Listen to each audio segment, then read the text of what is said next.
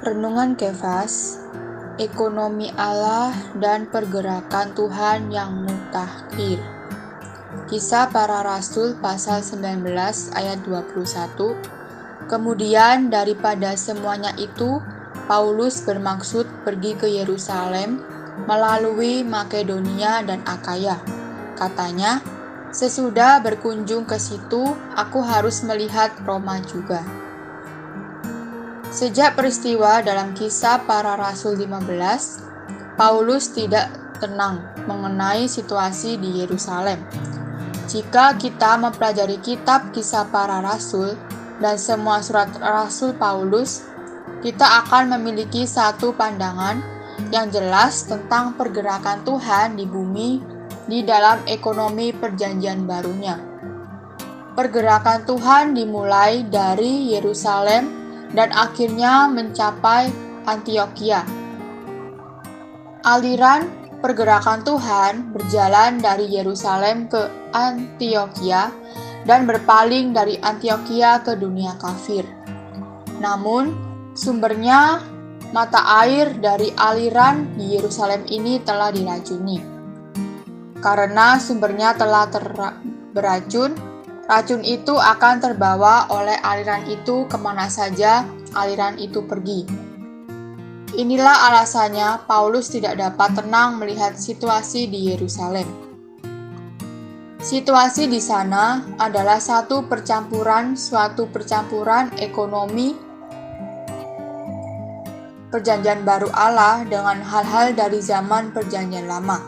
Seperti yang telah kita lihat Percampuran itu ternyata jelas di dalam persekutuan Yakobus dalam pasal 15 ayat 13 sampai 21. Dan akan kita lihat percampuran ekonomi perjanjian baru Allah dengan zaman yang lama itu sangat jelas ada dalam kisah para rasul 21. Percampuran itu sangat melukai hati Tuhan. Sadar bahwa masalah itu masih ada di Yerusalem. Paulus tidak tenang memikirkan gereja di sana. Kisah para Rasul pasal 19 ayat 21 menunjukkan bahwa Paulus memiliki satu hati yang lapang untuk kepentingan Tuhan.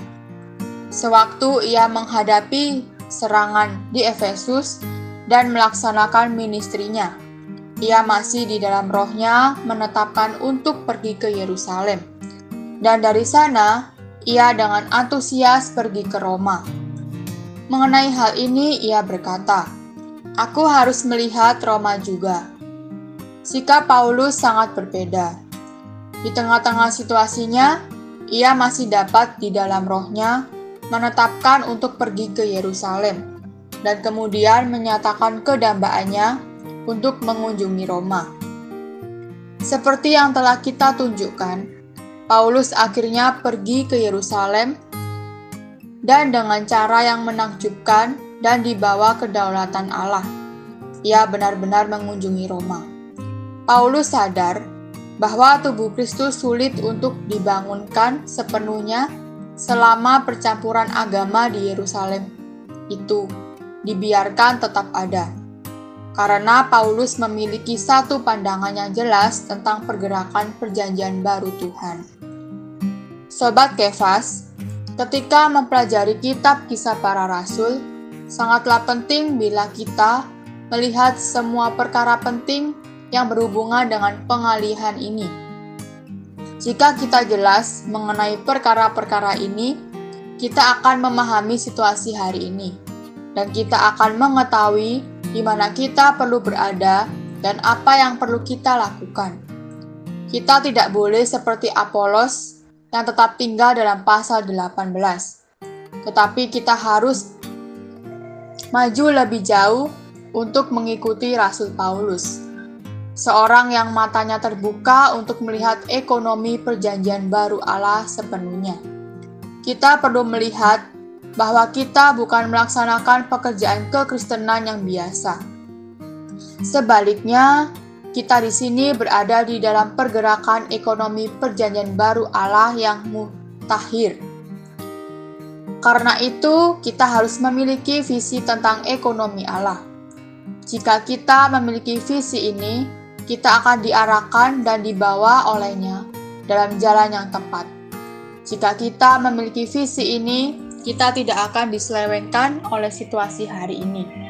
Tidak peduli bagaimana situasi itu, jika kita memiliki visi ini, kita akan tahu di mana kita berada dan ke mana kita akan pergi.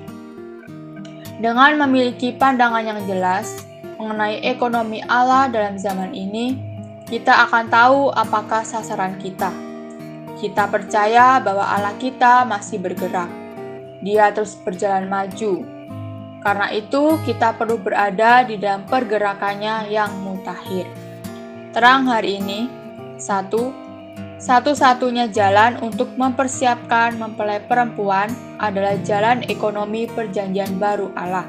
Dua, dengan memiliki pandangan yang jelas mengenai ekonomi Allah dalam zaman ini, kita akan tahu apakah sasaran kita. Kita percaya bahwa Allah kita masih bergerak, Dia terus berjalan maju. Karena itu, kita perlu berada di dalam pergerakannya yang mutakhir.